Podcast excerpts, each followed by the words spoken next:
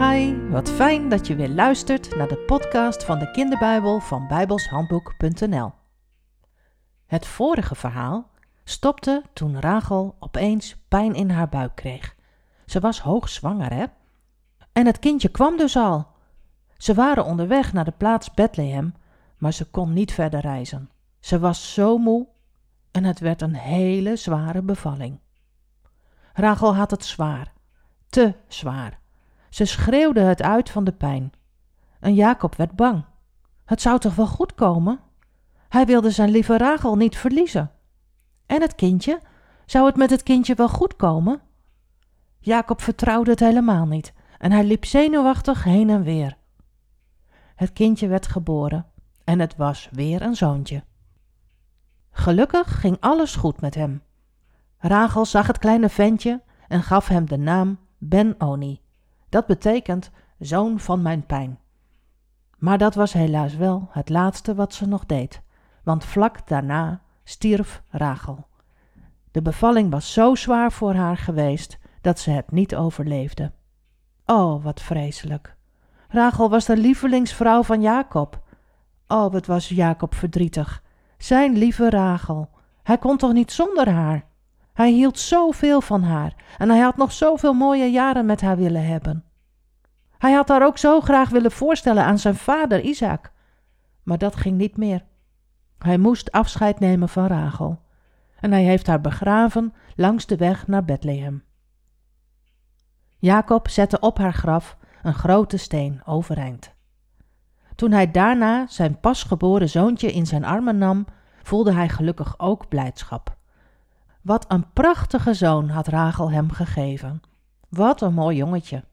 Met hele kleine handjes en hele kleine voetjes. Deze jongen moet niet Ben-Oni heten, dacht Jacob. Niet zoon van mijn pijn, dat paste niet bij hem, vond Jacob. Nee, hij gaf hem een andere naam, Benjamin. Dat betekent zoon van mijn rechterhand of zoon van geluk. Dat paste veel beter. Kom, Benjamin, jongen, zei Jacob, we gaan verder. Nog één tussenstop en dan zullen we thuis zijn. Dan zijn we bij mijn vader Isaac, jouw opa. En dus brak Jacob zijn tenten af. Of nee, wacht eens even, niet Jacob, hè? Weet je nog, zo heette hij eigenlijk niet meer. God had hem een nieuwe naam gegeven. Weet je nog welke?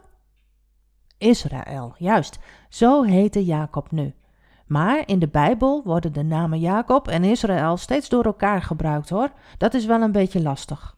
Maar goed, Israël dus brak zijn tenten af en zei tegen iedereen: Kom, we gaan. Het was een lange reis geweest, maar eindelijk kwam Jacob, of Israël, aan bij zijn oude vader Isaac en natuurlijk ook bij zijn broer Esau. Tot zijn grote verdriet was zijn moeder Rebekka er niet meer. Zij was al overleden. Rebekka lag begraven in het graf waar ook Abraham en Sara lagen. Jacob, of Israël, was heel blij dat zijn oude vader nog wel leefde. Hij had hem ook zoveel te vertellen, want hij was natuurlijk meer dan twintig jaar weg geweest. En hij had heel veel meegemaakt. En Isaac was ook heel erg blij. Blij dat Jacob weer thuis was. Eindelijk. Nog een aantal jaren hebben ze bij elkaar gewoond. Maar Isaac werd nou wel heel erg oud. Hij was al 180 jaar en toen stierf hij, oud en tevreden. Jacob en Esau hebben hun vader samen begraven in hetzelfde graf waar ook hun moeder Rebekka en hun opa en oma Abraham en Sara waren begraven. Gelukkig was alles dus weer goed tussen Jacob en Esau. Er was geen ruzie meer. Ze waren weer een echte familie. Maar Esau had in de jaren dat Jacob weg was geweest ook een groot gezin gekregen. En omdat er eigenlijk te weinig plek was voor zoveel mensen en zoveel vee, ging Esau verhuizen. Ze hadden te veel vee om bij elkaar te kunnen wonen. Hun kudden waren zo groot dat er in het land niet genoeg gras was voor alle dieren. En daarom ging Esau in de bergen van Seir wonen. Jacob bleef in Canaan wonen. Hij had nu één dochter, Dina, en twaalf zonen. Dat zijn de twaalf stamvaders van Israël geworden, de twaalf stammen van Israël. Weet je nog wie ze waren? Ik zal ze nog even opnoemen. De zonen van Jacob waren Ruben, Simeon, Levi, Juda, Dan, Naphtali, Gad, Aser, Issachar, Zebulon, Jozef en Benjamin. De volgende keer gaat ons verhaal verder met een van de zonen van Jacob, namelijk met Jozef.